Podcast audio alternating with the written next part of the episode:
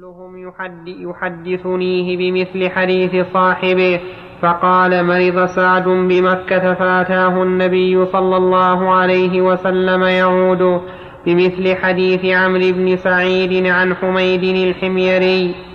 حدثني إبراهيم بن موسى الرازي قال أخبرنا عيسى يعني ابن يونس حا وحدثنا أبو بكر بن أبي شيبة وأبو قريب قال حدثنا وكيع. حا وحدثنا أبو قريب قال حدثنا ابن نمير. كلهم عن هشام بن عروة عن أبيه عن ابن عباس قال لو أن الناس غضوا من الثلث إلى الربع فإن رسول الله صلى الله عليه وسلم قال الثلث والثلث كثير وفي حديث وكيع كبير أو كثير. سبق الكلام على هذا وأن ما ذكره ابن عباس رضي الله عنهما تفقها هو الحق. أنه لا ينبغي أن يوصى بالثلث وإن كان جائزا بل ينبغي أن نوصي بأقل. لأن النبي صلى الله عليه وعلى آله وسلم قال الثلث كثير. وذكرنا أن أبا بكر رضي الله عنه اختار أن يوصي بالخمس وعليه اعتماد الفقهاء رحمهم الله. وقالوا الأفضل أن نوصي بالخمس. نعم. عندهم أسئلة. نعم. أسمع أحد يسأل. إيش؟ أسمع أحد يسأل. ما سمعت. نزلت بعد هذا الحديث يا شيخ. لأن لأن قال في بعض الروايات هل أتصدق ب- ب- ب- بمالي بمالي بمالي كله؟ فقال لا. فكان ما كان يعرف أن لا شك أنه بعد بعد هذا الحديث بعد آية المواريث. لأن سعد حده الرسول بمكة في حجة الوداع. والرسول قال لعمر لما سألوا عن كلامه قال "أل- ألم تكفك آية الصيف؟ ما في إشكال. إشكال يا شيخ كيف لا يقسمون المال في هذا الوقت؟ كيف يقسم؟ بين الله ويريد أن يقسمه صدقة. يريد أن يقسمه صدقة لا على الورثة على أنه لا ينبغي أن يقسم الإنسان ماله على الورثة كما يفعله بعض بعض الناس. لأنه لا يدري هل يموتون قبله أو يموت قبله. ولا يدري هل تتغير الحال أو لا تتغير. ولا يدري ربما هو في نفسه يحتاج المال في المستقبل. فمن الخطأ والتسرع ولا أستطيع أن أقول السفه أيضا أن يقسم الإنسان ماله بين ورثته. لأنه لا يدري. ولا أولى أن يحتفظ بماله. كما قال الرسول عليه الصلاة والسلام في العمرة قال أمسكوا عليكم أموالكم نعم. شيخ بارك الله فيكم إذا لم يترك وصية هذا الميت وله مال ومع القول بوجوب الوصية لذوي القربى من غير ال ال ال الوارثين نعم. فهل يكون لهم في المال حق؟ من؟ لا لا. لا يكون إلا إذا أوصي له. و ولا ولا يجب على الورثة أن يخرجوا وفقط يكون الإثم يعني يأثم الميت حينه فقط ولا؟ معلوم.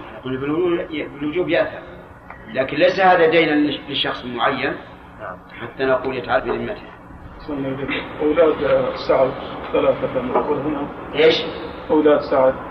أولاد ثلاثة. لا أولاد أظنهم 11 حين موته. هؤلاء مذكورين في الحديث يا شيخ. ما حضروا القصة؟ ها؟ هؤلاء المذكورين في الحديث. حتى انهم أبوه. نعم. في الحاشية يقول لعله محمد وعلى كل حال ما هو بلازم التغيير. أحسن الله إليك. يلا. ما وجه هذا البؤس الذي وصف به سعد بن خولة؟ إيش؟ ما وجه هذا البؤس الذي وصف به سعد بن خولة؟ إي البؤس يعني الرق له. ولهذا قال رثى له أن مات بمكة. يعني رق له. أن مات بمكة وهو لا يريد ذلك. من ثلاثة ولا أكثر؟ أنت يا خالد. ما أدري والله. الأسئلة ثلاثة ولا أكثر؟ إن فتح الباب ما عاد قضينا ولا ولا ولا نحدد عند اذان الفجر الأول. نحدد في آخر الليل. نحدد ثلاثة. ثلاثة خلاص مقرر ثلاثة. نمشي عليه. باب وصول ثواب الصدقات إلى الميت. حدثنا يحيى بن أيوب وقتيبة بن سعيد وعلي بن حجر قالوا حدثنا إسماعيل وهو ابن جعفر عن العلاء عن أبيه عن أبي هريرة أن رجلا قال للنبي صلى الله عليه وسلم إن أبي مات وترك مالا ولم يوصي ولم- يوصي ولم يوص فهل صح صحيح. أي انتظرك يا شيخ أقول وقوفك صحيح. أن رجلا قال للنبي صلى الله عليه وسلم إن أبي مات وترك مالا ولم يوص فهل يكفر عنه أن أتصدق عنه؟ فهل فهل يكفر عنه أن أتصدق عنه؟ قال نعم. قوله فهل يكفر عنه؟ ظاهرها أن الوصية واجبة وأنه أي, أباه لم يقم بهذا فهل يكفر عنه أن يوصي عنه؟ أن يتصدق عنه؟ قال نعم. فهذا يدل على شيئين. الأول أن أداء الواجب عن الميت وإن لم يوصي به ينفعه.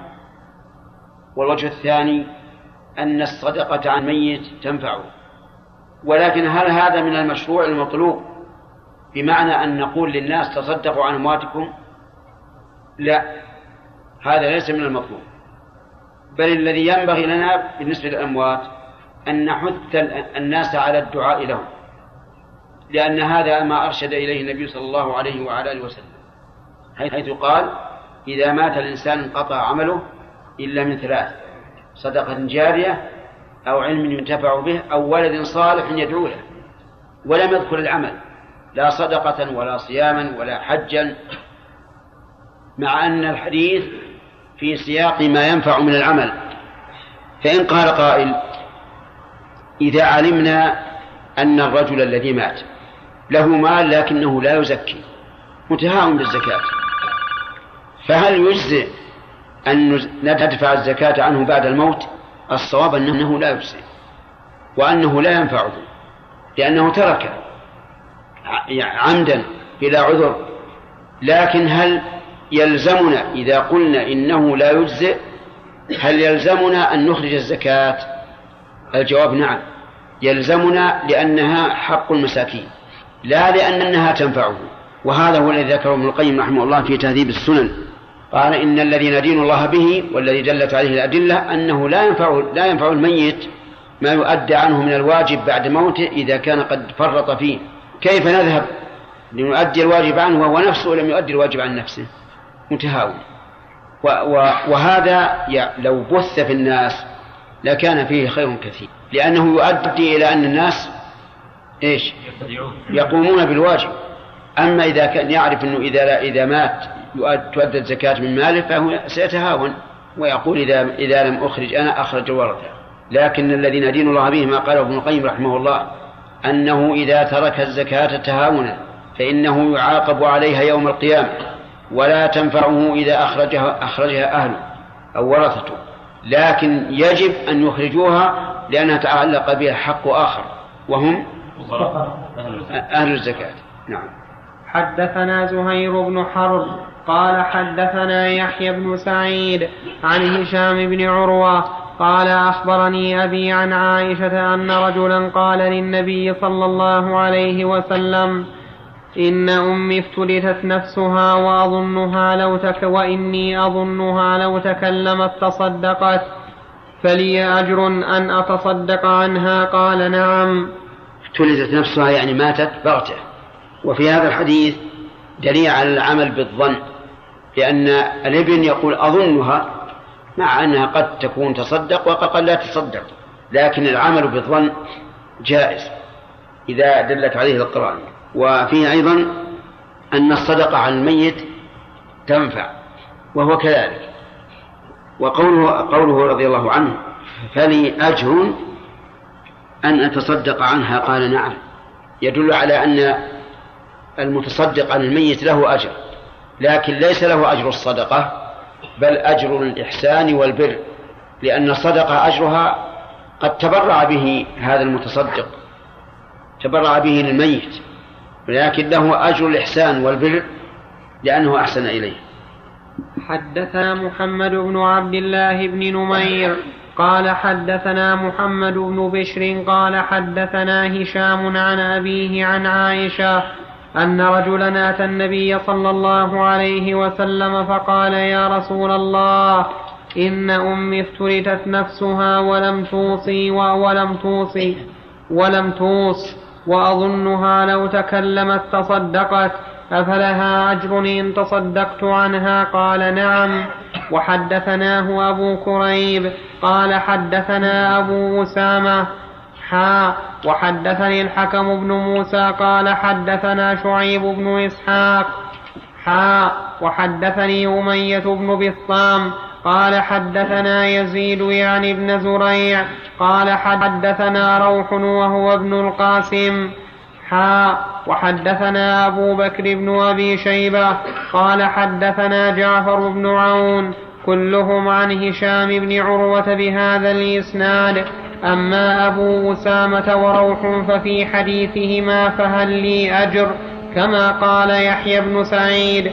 وأما شعيب وأما شعيب وجعفر في حديثهما أفلها أجر؟ ففي, ففي حديثهما. ففي حديثهما. أم وأما شعيب وجعفر ففي حديثهما أفلها أجر؟ كرواية ابن بشر. باب ما يلحق الإنسان من الثواب بعد وفاته. وحينئذ تتعارض الروايتان. فنحتاج إلى مرجح إن لم يمكن الجمع. لأن هناك فرقا بين فلي أجر وفلها أجر. ويمكن الجمع بينهما بأن يقال إن لي أجر يعني أجر الإحسان ولها أجر يعني أجر الصدق. هذا ممكن ولكن يشكل علينا. أن الحديث مخرجه واحد والقصة واحدة وهو إما أنه قال أفلي أجر أو قال أفلها أجر. ولو كان حديث أو القصة مختلفة والسياق مختلف لأمكن الجمع الذي ذكرته. لكن إذا كان الحديث مخرجه واحد والقصة واحدة فيبعد أن الرجل يقول أفلي أجر أفلها أجر. ولو أراد ذلك لقال أفلها أجر ثم قال ولي أجر يا رسول الله أيضا ولذلك يحتاج إلى هذا الحديث إلى تحرير فيرجع إلى إلى كتب الحديث ماذا قالوا. كان مسلم رحمه الله أشار إلى هذا الاختلاف لكن ينظر ومن من يحقق هذا. نعم نعم طيب. ومتى تأتي به؟ بارك الله فيك.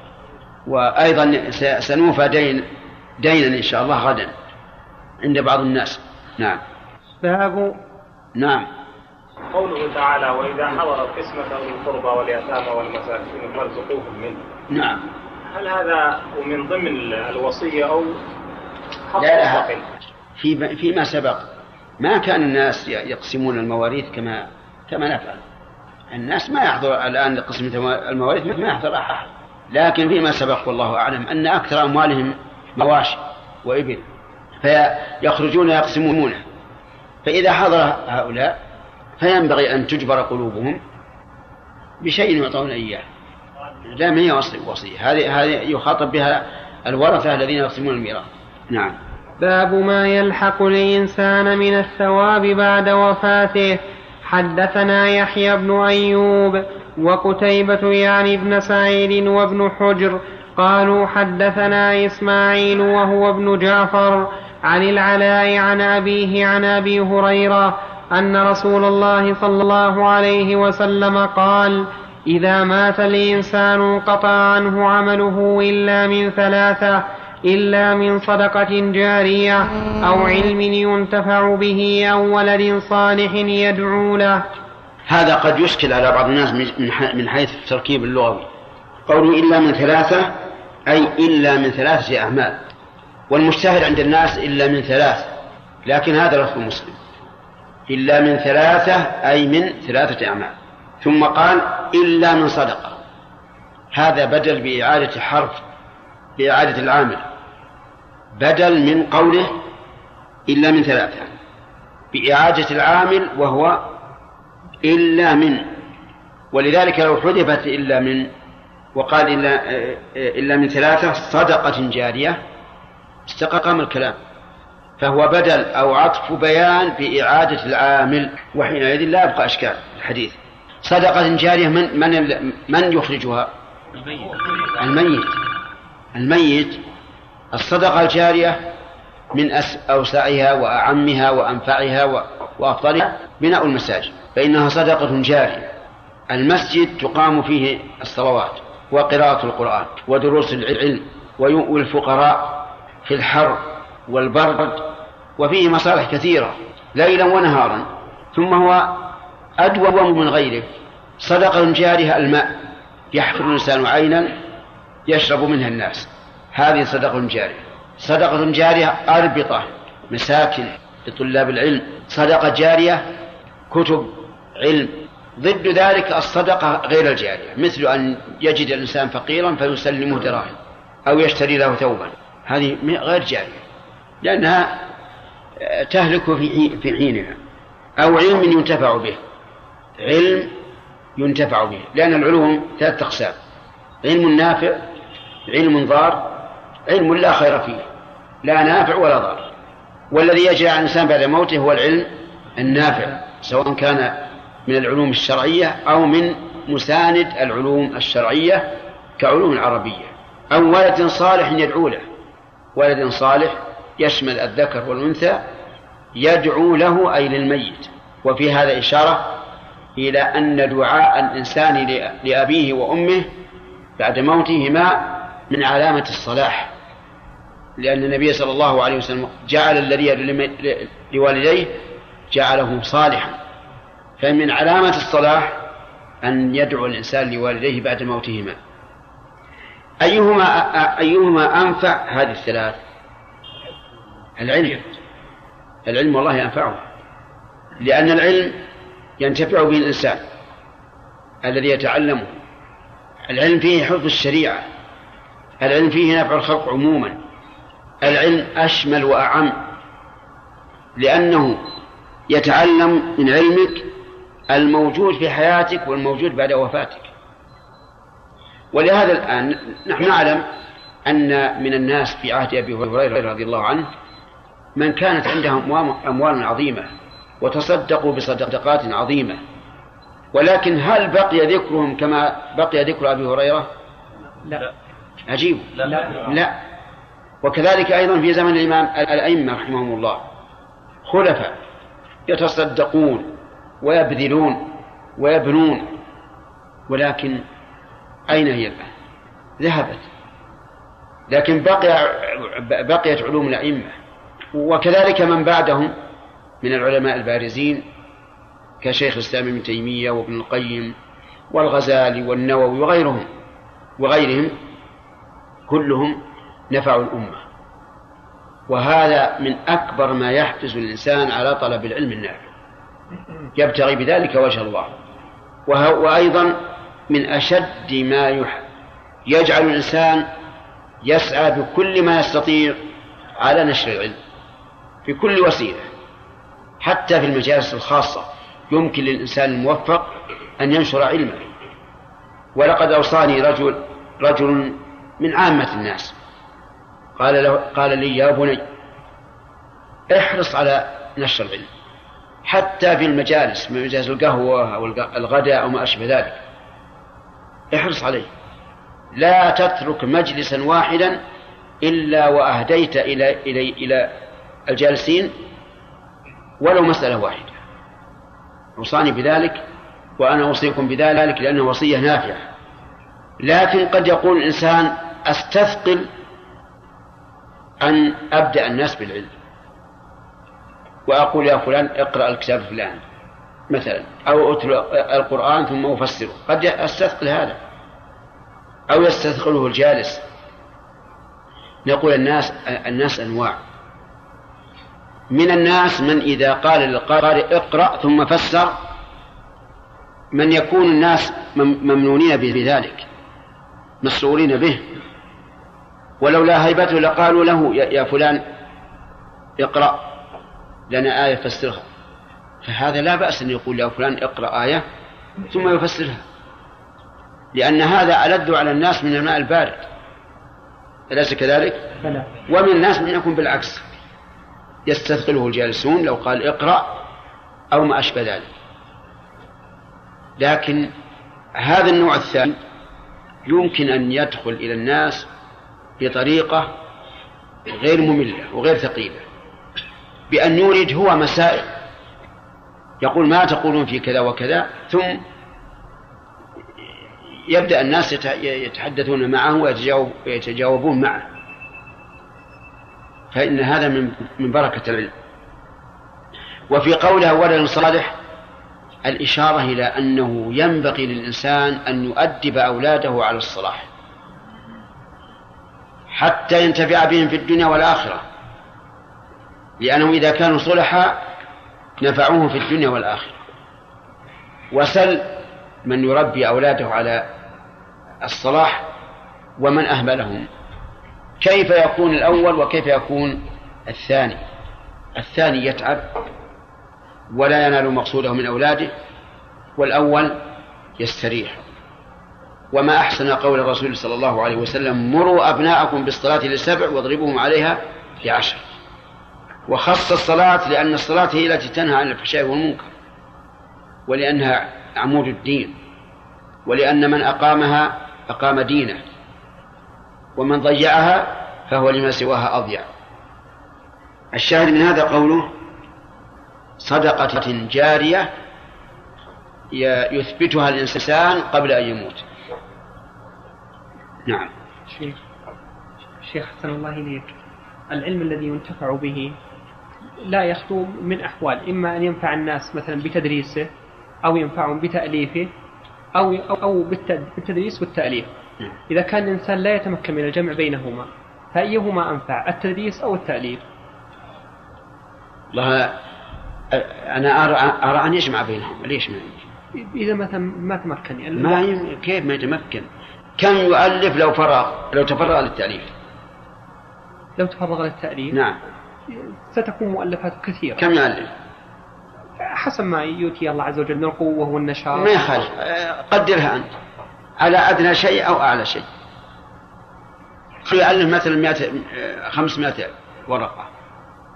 500 ورقة قليلة. قليل؟ قليل. 500 ورقة في العمر؟ 5000 في العمر يعني؟ لا لا بالسنة. في السنة إيه. تختلف هذه حسب ما يؤتي الله عز وجل من الناس. كلنا نعرف بحسب. لكن قدر أدنى شيء أو أعلى شيء. يعني أنا أقدر ما الظاهر المشكلة عليك. قدرنا أنه 500 ورقة. هذا إذا تفرغ تفرغ كامل. نقول بدل 500 ورقة 250 ورقة. خل نصف للتعليم ونصف للتأليف. لماذا؟ لأن التعليم في الواقع هو الذي يفتح العلم للناس. طالب العلم مهما بلغ في الاجتهاد وفي الذكاء لا يمكن أن يكون كالذي يدرس على على المعلم أبدا. مهما كان. إلا إنسان يبي يجهد نفسه ليل ونهار فهذا يدرك لكن بعد مدة طويلة ثم إنه يكون عليه خلل كثير. كما نشاهد الآن أن الإنسان اللي يأخذ العلم عن الكتب سيتعب كثيرا في تحصيل العلم وأيضا يكون عليه خلل كثير. فيفوت هذا هذا بالنسبة للمسلمين عموما. لكن التأليف يبقى أكثر. ولكن هل إذا بقي هل ينتفع به؟ هذا يع- يعني يتوقف على قبول الناس لمؤلفاته لأن من الناس من يؤلف وتجد له أسلوب جيد ولكن ما يقبل الناس عليه.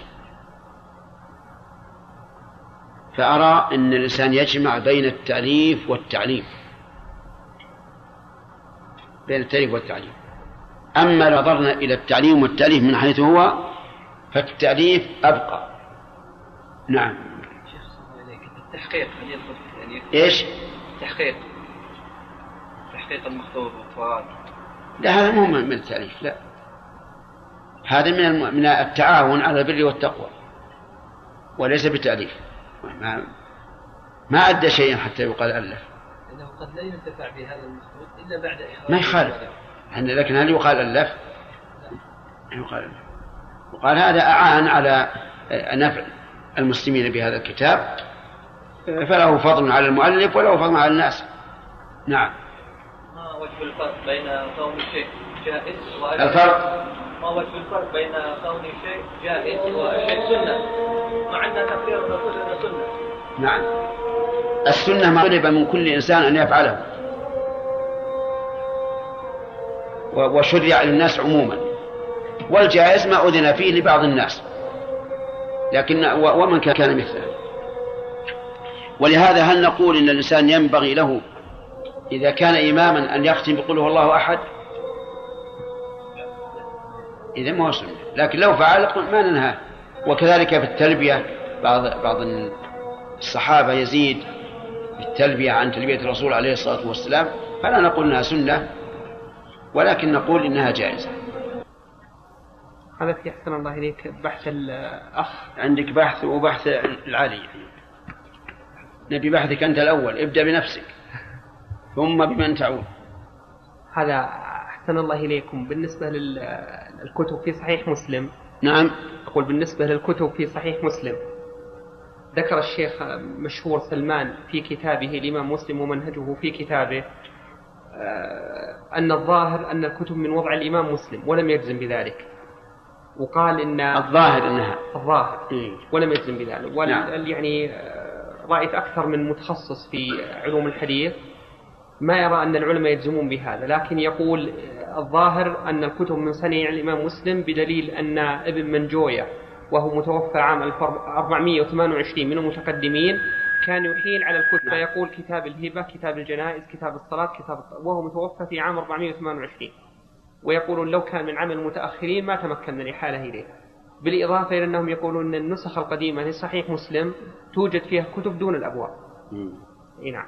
هذا الذي يعني استطعت الوصول إليه في يعني معناها ال- الآن الكتب من من من, وضع مسلم. من وضع مسلم. رحمه والأبواب الأبواب من وضع. من بعده. الأبواب كما قال النووي رحمه الله لأن النووي رحمه الله ذكر كلاما في مقدمته قال ثم إن مسلم رحمه الله رتب كتابه على أبواب فهو مبوب في الحقيقة ولكنه لم يذكر تراجم الأبواب فيه لئلا يزداد بها حجم الكتاب أو لغير ذلك. قلت اللي هو النووي وقد ترجم جماعة أبوابه بتراجم بتراجم بعضها جيد وبعضها ليس بجيد إما لقصوره في عبارة الترجمة وإما لركاكة لفظها وإما لغير ذلك. وأنا إن شاء الله أحرص على التعبير عنها بعبارات تليق بها في مواطنها والله أعلم. ولهذا تراجم ال- القرطبي في المفهم تختلف عن تراجم النووي في آه، كتابه. وكذلك ابن المنذر تختلف تراجمه عما في آه، الاثنين. يصير من اجتهادات العلماء. أي نعم. الك- الكتاب فهم على كلامهم أنه من صنيع مسلم. رحمة بارك الله وأما كتاب بحث الأخ آه، أبي الحسن فهو يا شيخ بحث كبير. كثير. وخلاصته. خلاصته قلت له لخصه قال إني عرضته على الشيخ وانه طلب إني أعطيك إياه بحالك. إيه. إيه أبي أبي يقرأ. نقرأ؟ إيه ك- كم صفحة؟ خمس. خمس صفحات؟ لا طويل. وش الخلاصة؟ ما ذكر. الله عليك يا شيخ. البحث آه، كان بهذا الطول لأن اللفظ الذي ساقه مسلم رحمه الله يحتاج إلى مثل هذا. أنا ما ذكرت فيه شيء إلا مقارنة لفظ مسلم بلفظ غيره. نعم. فالسياق الذي ساقه مسلم يخالف ما ساقه غيره بكثير وفيه مسائل مهمة لعلكم لو اطلعتم عليه يكون لكم فيه رأي آخر. لكن رواية البخاري وغيره هل قال لها أجر أو لي أجر؟ لها أجر. كل ما. رواه البخاري وغيره بهذا اللفظ. لها أجر. لها أجر. إذا كان كذلك تحمل لي اجر على الشذوذ. ويبقى هل له أجر أو لا يؤخذ من القواعد العامة في الشريعة أن له أجر الإحسان كما قررناه. الحمد لله رب العالمين والصلاة والسلام على أشرف الأنبياء والمرسلين نبينا محمد وعلى آله وأصحابه أجمعين.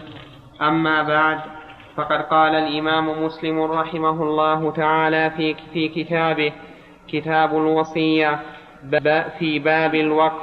حدثنا يحيى بن يحيى التميمي قال أخبرنا سليم بن أخضر عن ابن عون عن نافع عن ابن عمر قال أصاب عمر أرضا بخيبر فأتى النبي صلى الله عليه وسلم يستأمره فيها فقال يا رسول الله إني أصبت أرضا بخيبر لم أصب مالا قط هو أنفس عندي منه فما تأمرني به؟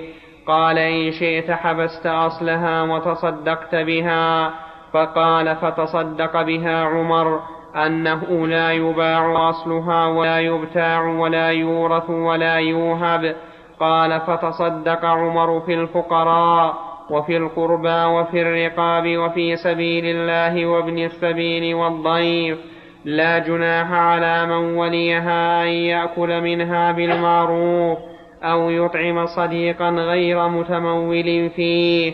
قال فحدثت بهذا الحديث محمدا فلما بلغت هذا المكان غير متمول فيه قال محمد غير متأثل مالا. قال ابن عون وأنبأني من قرأ هذا الكتاب أن فيه غير متأثل بسم الله الرحمن الرحيم.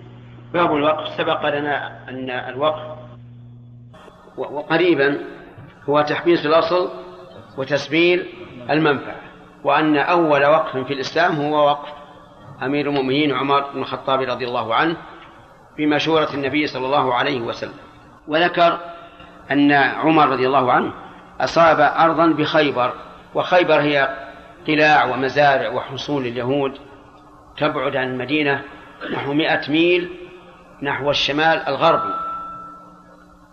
واليهود جاءوا من الشام إلى المدينة وما حولها لأنهم كانوا يقرؤون في التوراة أن الله سبحانه وتعالى يبعث رسولا يتبعونه ويأمرهم بالمعروف وينهاهم عن المنكر.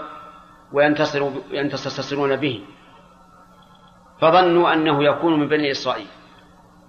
لأنه ذكر في هذا في التوراة أن مهاجره المدينة. فحضروا إلى المدينة. ولكن لما جاءهم ما عرفوا كفروا به. وأنكروه وكذبوه. وأجلاهم النبي صلى الله عليه وسلم من المدينة لنقضهم العهد. ونزل بعضهم بأذرعات في الشام وبعضهم نزل في خيبر. فتح النبي عليه الصلاة والسلام فتح خيبر وكان فتحها عنوة يعني بالسيف فقسم قسمها بين الغانمين فأصاب عمر منها أرضا. قال فأتى النبي صلى الله عليه وسلم يستأمره فيها يستأمره أن يستشيره ويأخذ بأمره. فقال يا رسول الله إني أصبت أرضا بخيبر لم أصب مالا قط هو أنفس عندي منه. أنفس يعني أغلى وأحب وأجود. وكان رضي الله عنه يقرأ القرآن لن تنالوا البر حتى تنفقوا مما تحبون. وكان ابنه عبد الله إذا أعجبه شيء في ماله من ماله تصدق به. يتأول هذه الآية لن تنالوا البر حتى تنفقوا مما تحبون.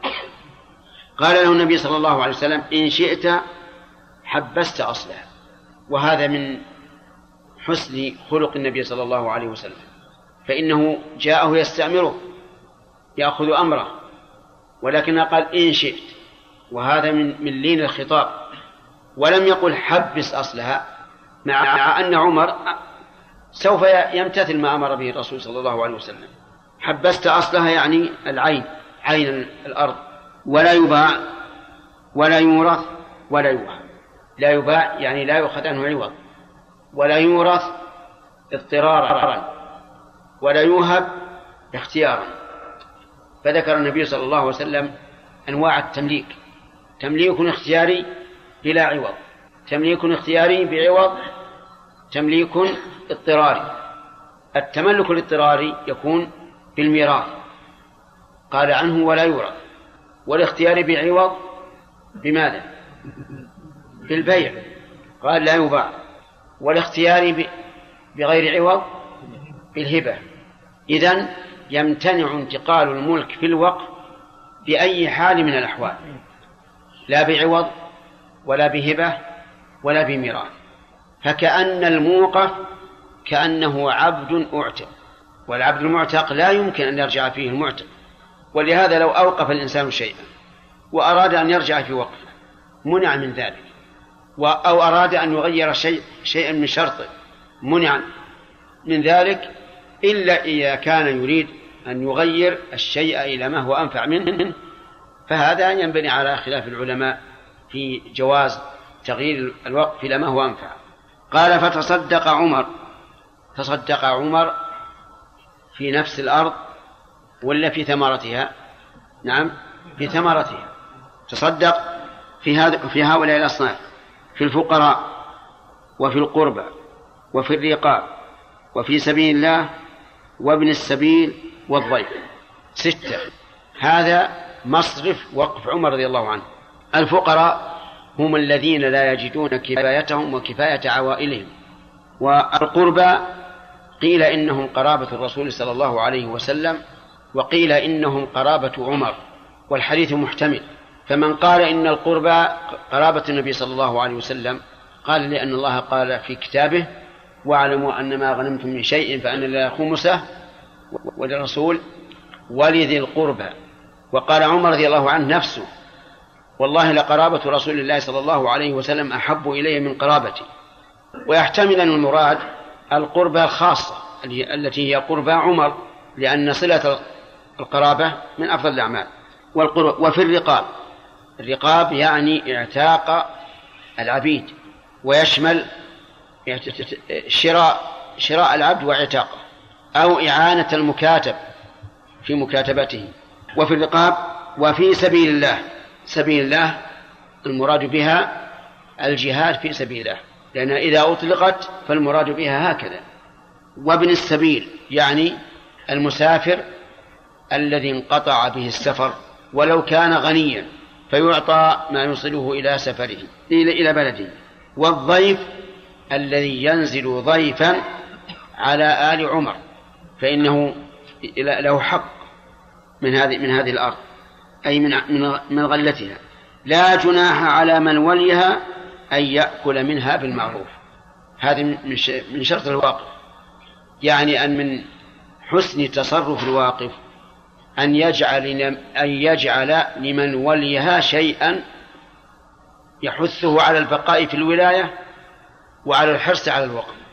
عمر رضي الله عنه جعل لمن وليها أن يأكل منها بالمعروف وظاهر الشرط أن يأكل منها هو وعائلته ولو كثروا لكن بالمعروف أي بدون إسراف ولا تقصير فلا يأكل أكل الأغنياء ولا يقتل حتى يأكل أكل الفقراء. وقد جعل رضي الله عنه الولي عليها ابنته حفصة أم المؤمنين رضي الله عنها. ثم من بعدها ذو الرأي من آل عمر أن يأكل منها بالمعروف أو يطعم أو يطعم صديقا غير متمول فيه. يعني وله أيضا أن يطعم صديقه بشرط أن لا يقصد بذلك كثرة المال لصديقه وإنما يطعمه بما جرت به العادة غير متمول فيه. قال فحدثت بهذا الحديث محمدا يعني ابن سيرين فلما بلغت هذا المكان غير متمول فيه. قال محمد غير متأثل مالا ومتأثل يعني مكتسب مالا وهو بمعنى الأول. قال ابن قال ابن عون وأنبأني من قرأ هذا الكتاب أن فيه غير متأثل مالا. ففي هذا الحديث من الفوائد أولا أنه ينبغي للإنسان أن يستشير ذوي الرأي والعلم والأمانة وإن كان هو ذا رأي وعلم. قال الشاعر شاور سواك إذا نابتك نائبة. يوما وإن كنت من أهل المشورات. يعني شاور غيرك عند النوائب وإن كانك أنت من أهل المشورات الذين يرجعون يرجع الناس إليهم في استشاراتهم فقد يرى الإنسان ما لا يراه غيره. ومن فوائدها إثبات الوقف لأن النبي صلى الله عليه وسلم أرشد إليه عمر. ومن فوائدها قصدي من فوائد الحديث أن الوقف لا يباع ولا يوهب ولا يورد فإن قال قائل إن شرط الموقف أن يباع فالجواب إن شرط أن يباع مطلقا فالشرط غير صحيح وباطل. وإن شرط أن يباع عند الحاجة أو المصلحة أو تعطل المنافع فهذا لا بأس به لأن هذا هو مقتضى الوقت ومن فوائد هذا الحديث أنه ينبغي ينبغي للواقف أن تكون شروطه في وقفه مفهومة معلومة لئلا يشتبه على من بعده. فإن هذه الشروط التي ذكرها عمر مفهومة معلومة ومن فوائدها أنه ينبغي لنا أن نتأسى بهذا الخليفة الراشد عمر بن الخطاب رضي الله عنه الذي جعل هذه الشروط في حياة النبي صلى الله عليه وعلى آله وسلم وإقراره وأن لا نخص الأوقاف بالأولاد والذرية وما أشبه ذلك كما يوجد الآن في أكثر أوقاف الناس بل نجعلها في هذه المصالح العامة. ومن فوائد هذا الحديث جواز اشتراط شيء للناظر على الواقف لقوله لا جناح على من وليها أن يأكل منها بالمعروف فإن لم يشترط شيئا فإن تبرع الناظر فهو مأجور وإذا كان الواقف من قرابته فهو واصل واصل لرحمه وله من الأجر مثل مال مثل أجر الموقف. وإن لم يتبرع فإنه يجعل له مثل سهم غيره ويرجع التقدير إلى رأي القاضي. ومن فوائد هذا الحديث الرجوع إلى العرف لقوله يأكل منها بالمعروف. والرجوع إلى العرف ثابت بالقرآن والسنة. فما أتى في القرآن أو السنة ولم يحدد فإنه يرجع فيه إلى إلى العرف.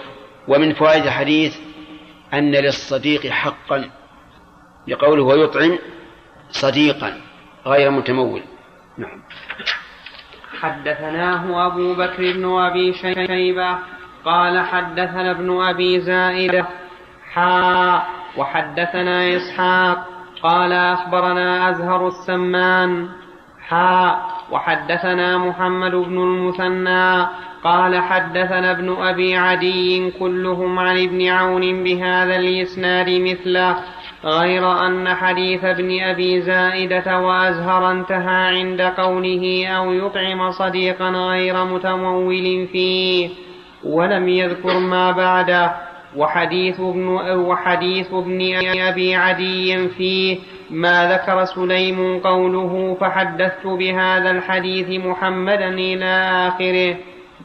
وحدثنا إسحاق بن إبراهيم قال حدثنا أبو داود الحفري عمرو عمر بن سعد عن سفيان عن ابن عون عن نافع عن ابن عمر عن عمر قال أصبت أرضا من أرض خيبر فأتيت رسول الله صلى الله عليه وسلم. فقلت أصبت أرضا لم أصب مالا أحب إلي ولا أنفس عندي منها. وساق الحديث بمثل حديثهم ولم يذكر فحدثت محمدا وما بعده. إيش؟ لا يشترى مثله. إذا شرط أن يباع إذا تعطل المنافع فإنه يباع ويجعل في مثله. نعم. لا جناح على من وليها. ولم يقل على لا هذا هذا اللي يقوله عمر. طيب لماذا لم يقل عن الناظر فيها؟ الناظر والي. الناظر والي. يعني يسمى والي أيضا يسمى والي لكن الاصطلاحات اللي ذكرناها لكم سابقا في اصطلاح الفقهاء. والفقير يترك عندها قصدك المواشي يعني زكاة المواشي؟ اي نعم. إيه وش جاب من هناك؟ انها متعلق يعني. هذه في باب باب الزكاة. لكنه له تعلق هل تسمحون نجيبه ولا لا؟ نعم. ويسأل الآن عن شيء في الزكاة.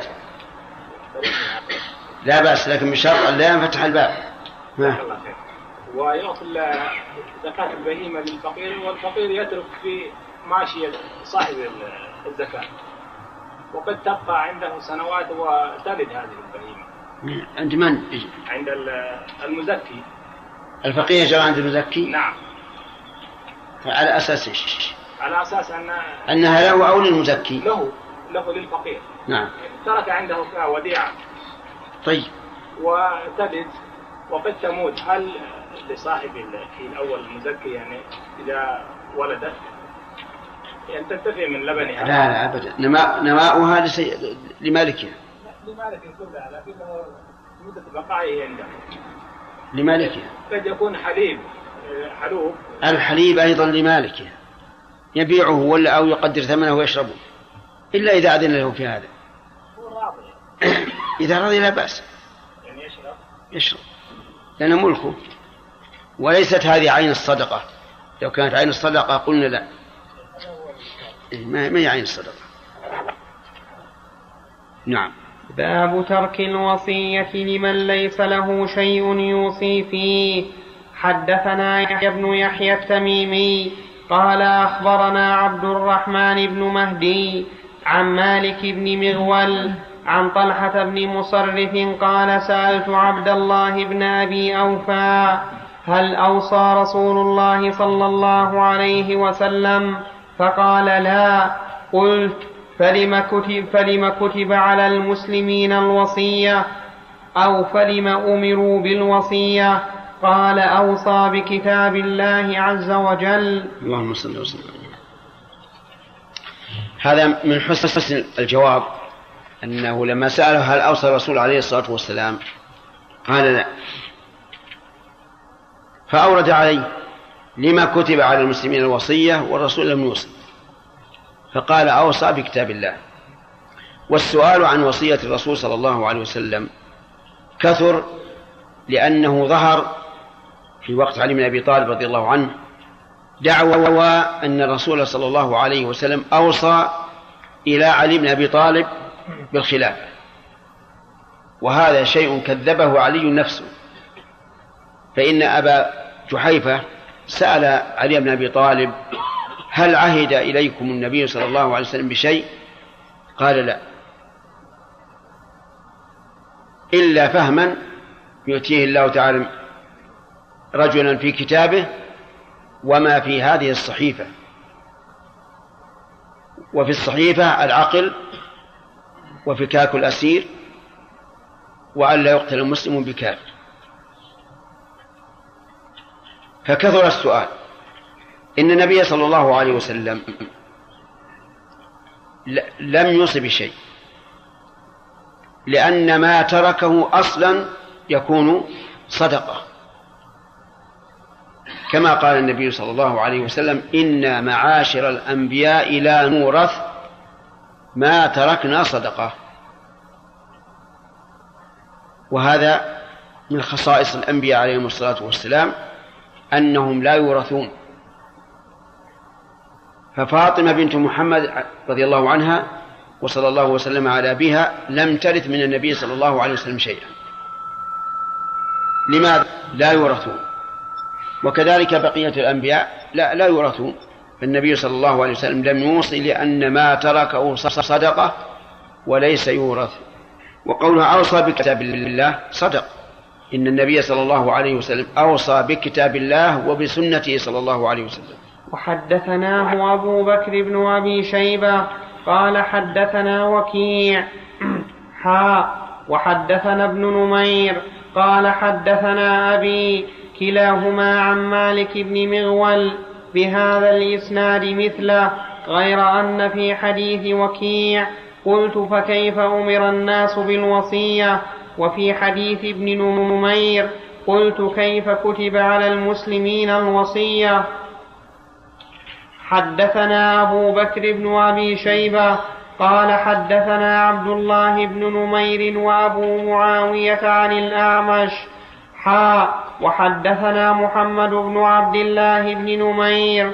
قال حدثنا أبي وأبو معاوية. قال حدثنا الأعمش عن أبي وائل عن مسروق عن عائشة أنها قالت ما ترك رسول الله صلى الله عليه وسلم دينارا ولا درهما ولا شاة ولا بعيرا ولا أوصى بشيء. اللهم صل وسلم عليه. وحدثنا زهير بن حرب وعثمان بن أبي شيبة وإسحاق بن إبراهيم كلهم عن جرير.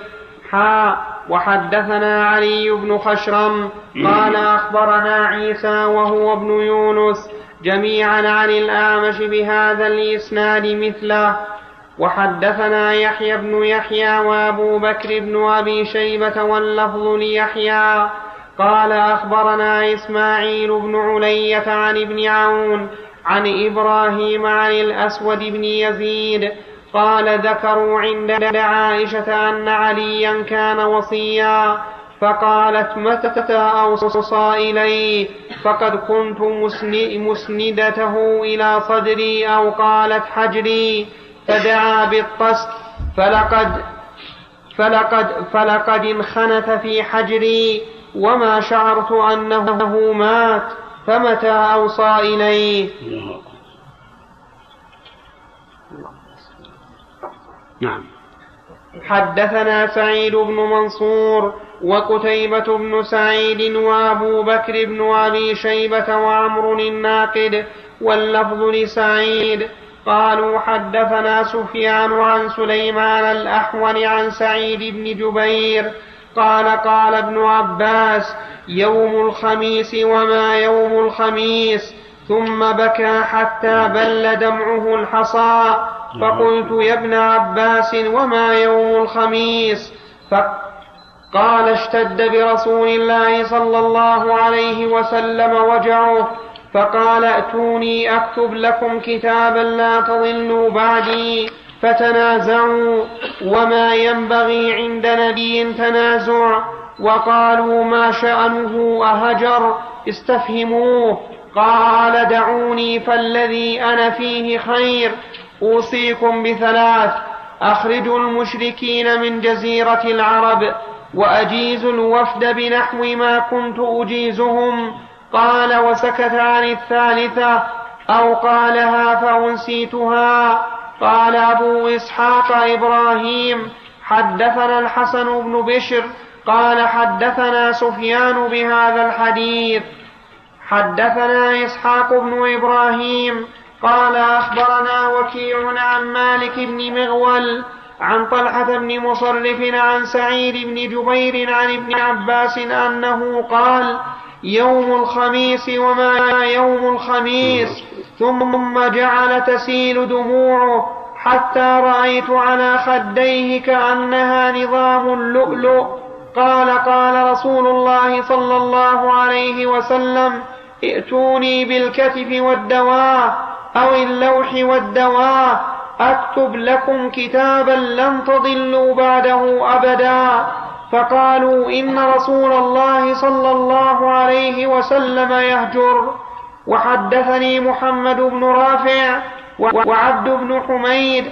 قال عبدنا أخبرنا وقال ابن رافع حدثنا عبد الرزاق. قال أخبرنا معمر عن الزهري عن عبيد الله بن عبد الله بن عتبة عن ابن عباس أنه قال لما حضر رسول الله صلى الله عليه وسلم وفي البيت رجال فيهم عمر بن الخطاب فقال النبي صلى الله عليه وسلم هلم أكتب لكم كتابا لا تضلون بعده؟ فقال عمر إن رسول الله صلى الله عليه وسلم قد غلب عليه الوجع وعندكم القرآن حسبنا كتاب الله فاختلف أهل البيت فاختصموا فمنهم من يقول قربوا يكتب لكم رسول الله صلى الله عليه وسلم كتابا لن تضلوا بعده ومنهم من يقول ما قال عمر فلما أكثروا اللغو والاختلاف عند رسول الله صلى الله عليه وسلم قال رسول الله صلى الله عليه وسلم قوموا. قال عبيد الله فكان ابن عباس يقول إن الرزية كل الرزية ما حال بين رسول الله صلى الله عليه وسلم وبين أن يكتب لهم ذلك الكتاب من اختلافهم ولغطهم. هذا فيه أيضا فوائد. منها أن النبي صلى الله عليه وعلى آله وسلم أمر بها وأوصى بهذه الثلاث. أولا أخرجوا المشركين من جزيرة العرب. يعني أخرجوهم بحيث لا يسكنون فيها ولا يتأهلون لكن لا بأس أن يأتوا لعمل ثم يرجعون. أما السكنى بعد أن طهرها الله منهم فإنه لا يجوز تمكينهم من ذلك. الثاني وإذا ضممنا هذا إلى قول النبي صلى الله عليه وسلم لأخرجن اليهود والنصارى من جزيرة العرب حتى لا أدع إلا مسلما. وفي لفظ أخرجوا اليهود والنصارى من من جزيرة العرب. إذا ضممنا هذا إلى هذا صار المعنى أن لا يبقى في جزيرة العرب الكافر لا مشرك ولا كتاب. والمراد إيش؟ السكنى.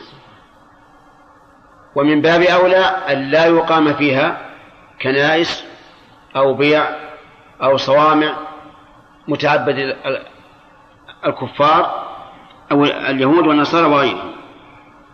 ومن فوائده أيضا أجيز الوفد بما كنت أجيزهم. الوفد عن الذين يفدون إلى المدينة يطلبون علم شريعة الله.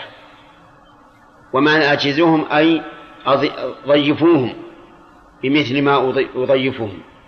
وافسحوا لهم الصدور وعلموهم وأدبوهم كما كان النبي صلى الله عليه وعلى آله وسلم يفعل. وأما الثالثة سكت عنها. والثالثة ما بينها الرسول عليه الصلاة والسلام. ولا يعلم ما لا يعلم أيوصي إلى أبي بكر أو إلى عمر أو إلى عثمان أو إلى علي أو إلى غيره سكت النبي عليه الصلاة والسلام. لكن الذي يبدو من حال الرسول عليه الصلاة والسلام أنه لو أراد أن يوصي لأوصى إلى أبي بكر رضي الله عنه لأنه جعله خليفته في الصلاة التي هي أعظم أركان الإسلام بعد الشهادتين وخليفته في الحج في السنة التاسعة من الهجرة وأغلق الأبواب التي تشري على المسجد إلا باب أبي بكر رضي الله عنه. وأتته امرأة في حاجة فوعدها العام المقبل فقالت إن لم أجدك يا رسول الله قال أتي أبا بكر. وقال عليه الصلاة والسلام يأبى الله ورسوله والمؤمنون إلا أبا بكر. فإذا كانت هذه الأحاديث كلها إما نص أو تلويح واضح بأن الخليفة أبو بكر فإننا نجزم أن النبي صلى الله عليه وعلى آله وسلم لو أوصى بخليفة لجعله من؟ أبا بكر. لا تحتمل المسألة غير هذا أما عمر رضي الله عنه فاجتهد. اجتهد ورأى أن الرسول لا يكتب شيئا وإن يكتفي الناس بكتاب الله عز وجل. وكتاب الله الاكتفاء به متضمن للاكتفاء بسنة رسول الله صلى الله عليه وسلم. لأن القرآن دال دلالة واضحة على أن سنة الرسول عليه الصلاة والسلام كالذي في القرآن تماما. وعمر رضي الله عنه رأى أشياء قد لا نتمكن نحن الآن من تصورها. فكثر اللغط. وأما قول ابن عباس رضي الله عنهما إن الرزية تكون الرزية فهذا فهم ابن عباس. ولا شك أن فهم عمر أقرب إلى الصواب من فهم ابن عباس وأولى بالاعتبار والقبول.